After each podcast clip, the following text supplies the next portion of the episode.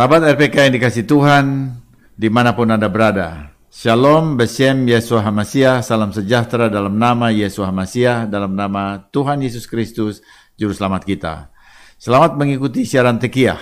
Telaah kata Ibrani Alkitabiah, bersama saya Gembala Benyamin Obadiah, Ketua GKMI Gereja Kehilat Mesianik Indonesia Jakarta. Kali ini kita akan kemas program Tekiyah sebagai dialog antara penatua Ira Obadiah dengan saya sebagai narasumber.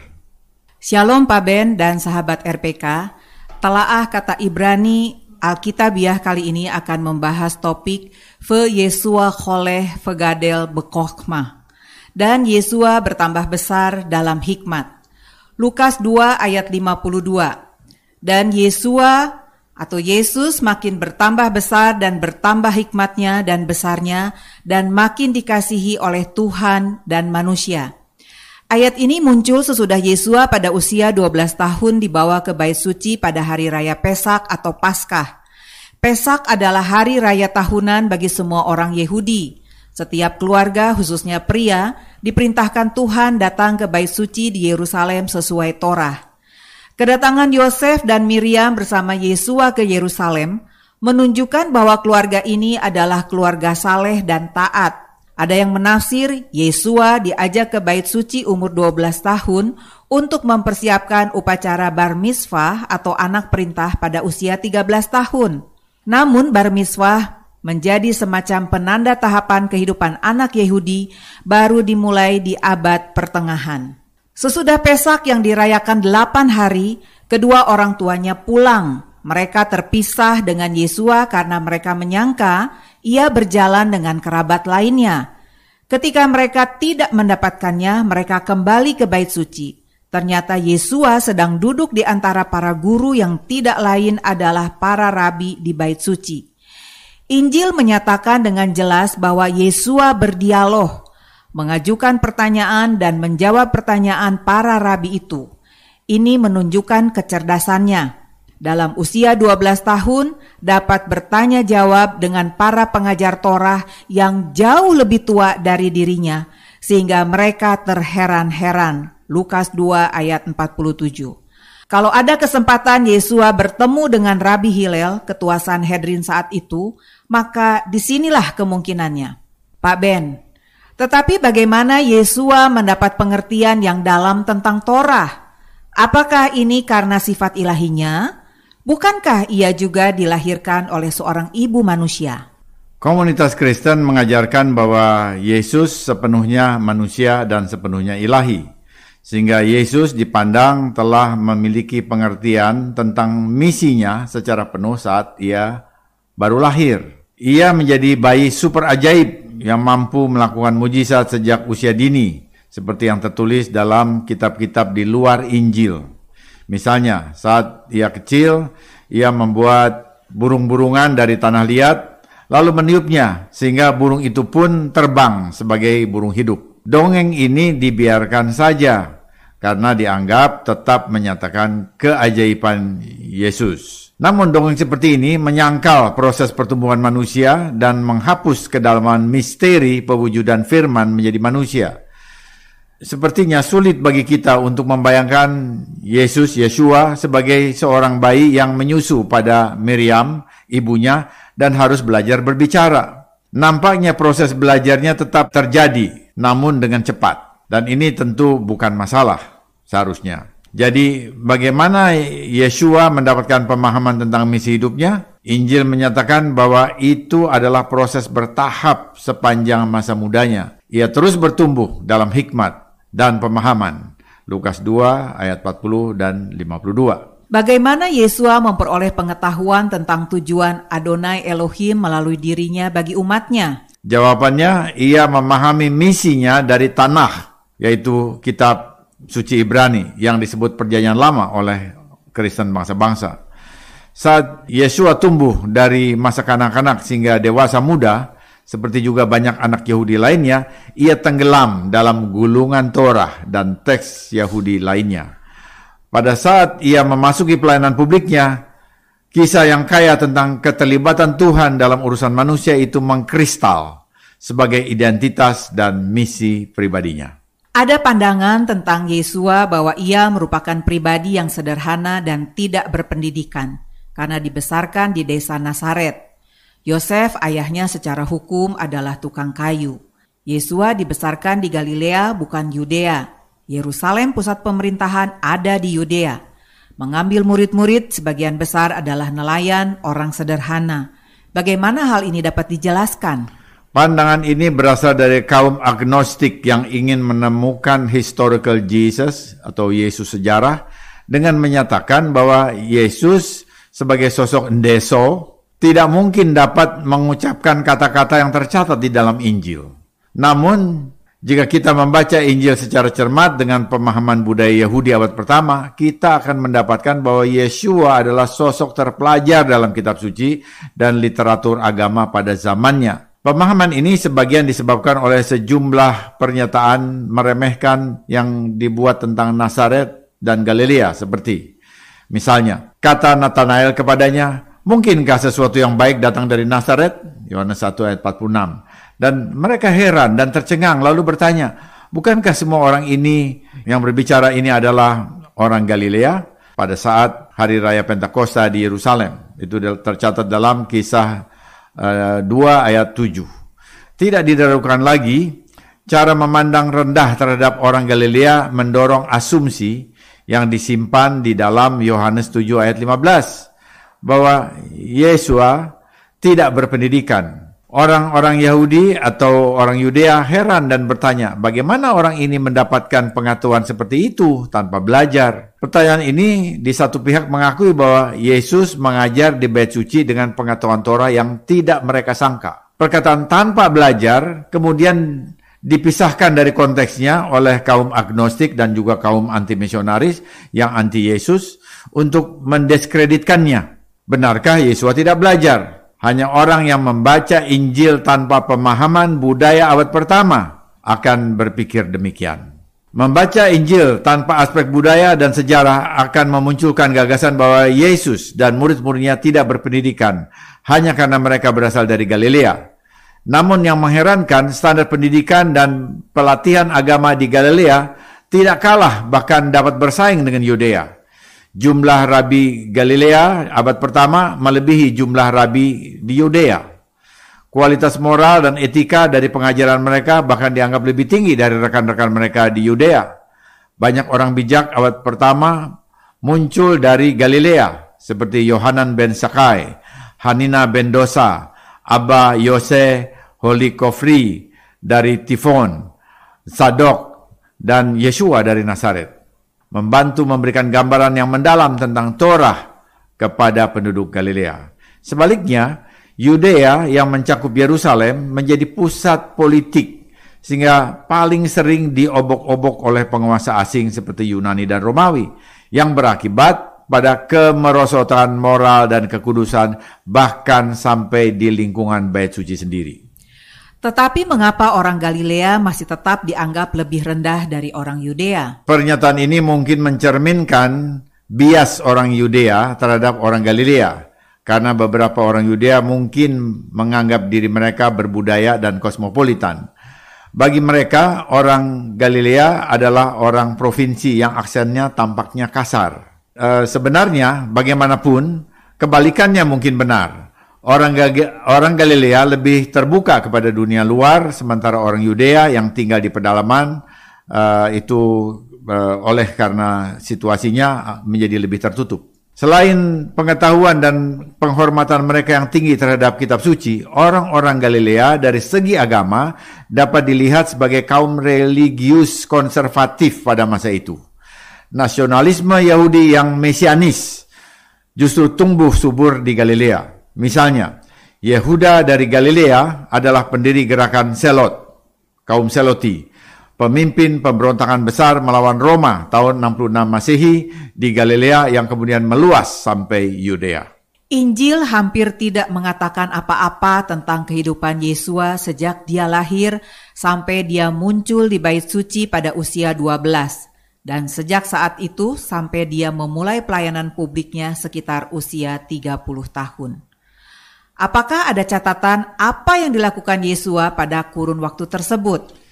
Ini harus dilihat dari budaya Yahudi yang memberi perhatian tinggi kepada pendidikan, seperti yang ditulis oleh Yosefus, sejarawan Yahudi abad pertama.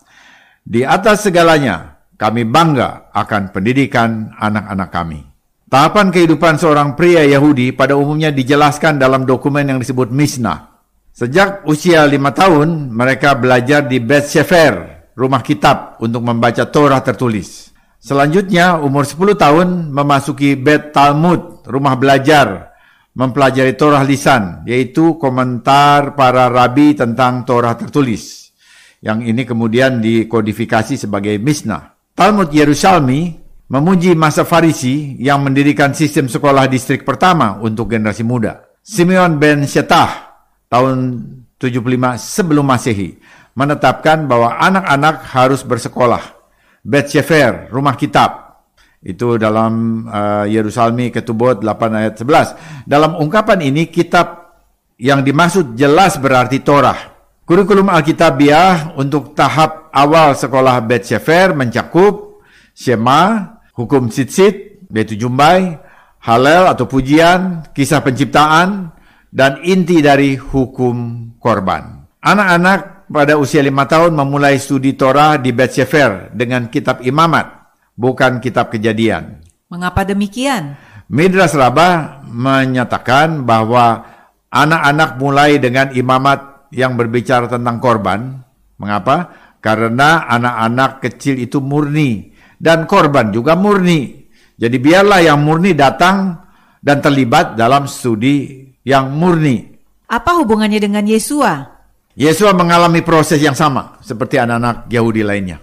Jadi ia pun mulai dengan membaca kitab imamat.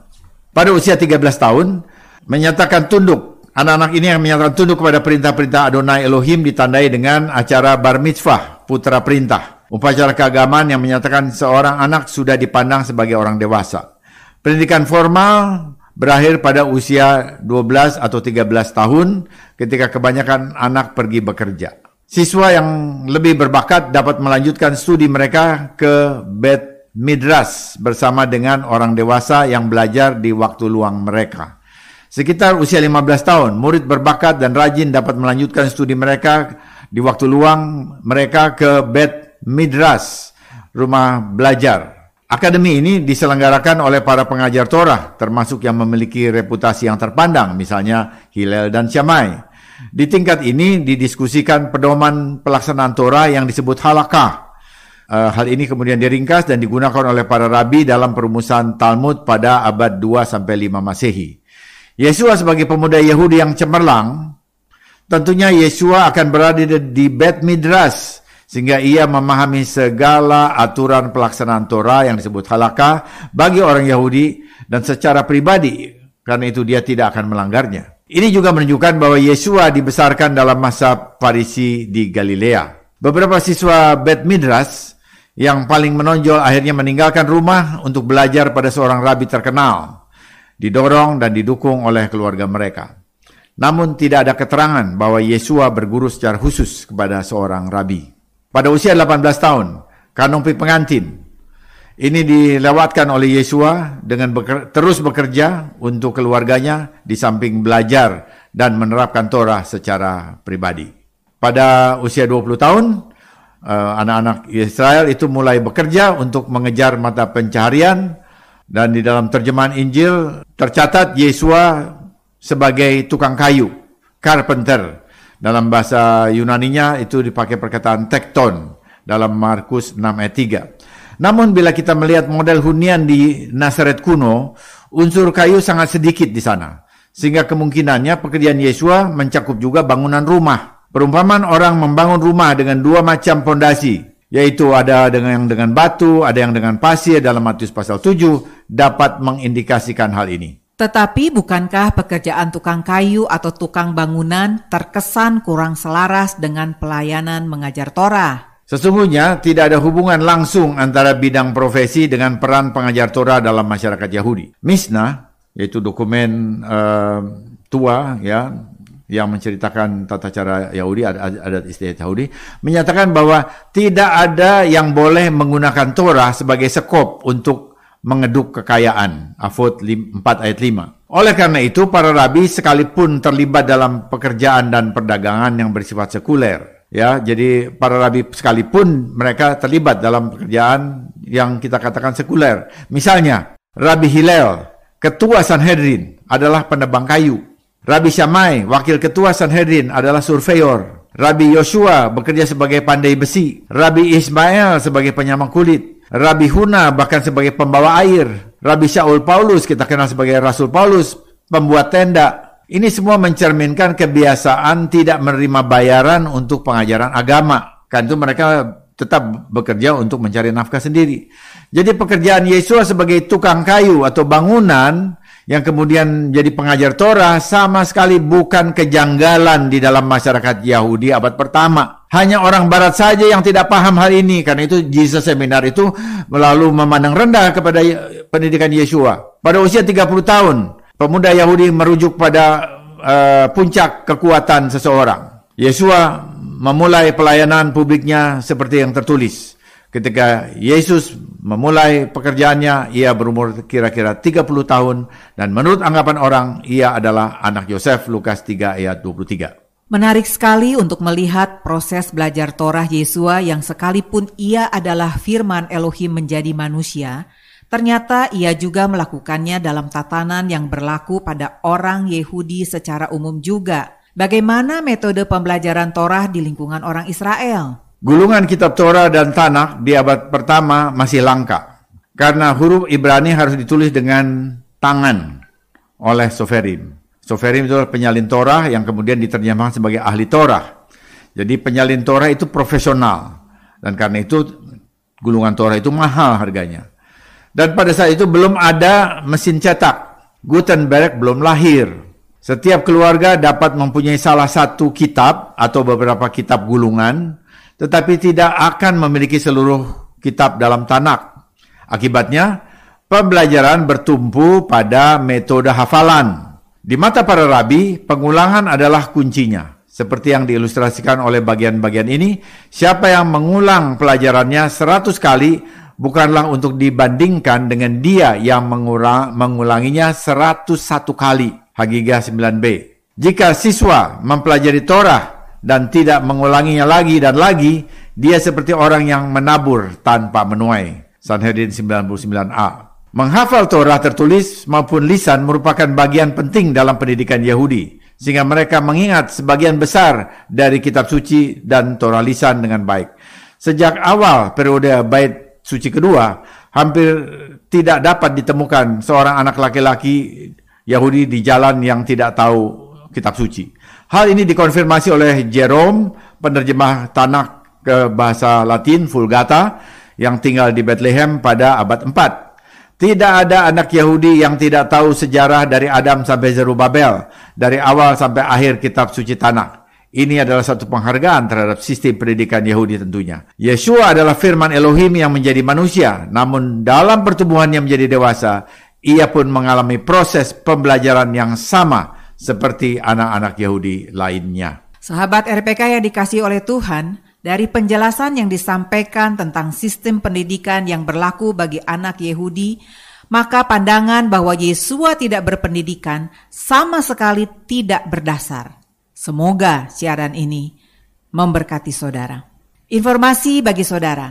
Ibadah Syabat Mesianik GKMI akan disiarkan secara live streaming di YouTube Subscribe channel Kehilat Mesianik untuk mengikuti ibadah dan pengajaran akar Ibrani secara online.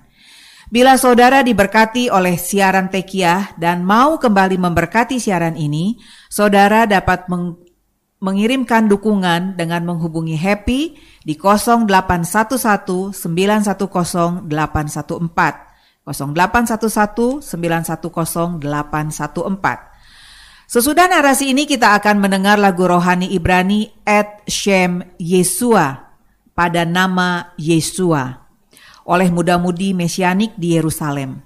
Tuhan leluhur kami nyatakan jalanmu kepada umat pilihanmu. Batu karang saman, kami percaya hanya padamu dalam nama Yesua.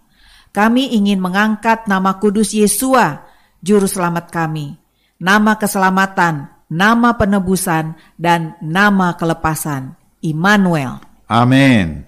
Tiba saatnya saya Gembala Benjamin Obadia dan Penatua Ira Obadia mohon diri dari ruang dengar saudara. Sampai jumpa pada siaran mendatang.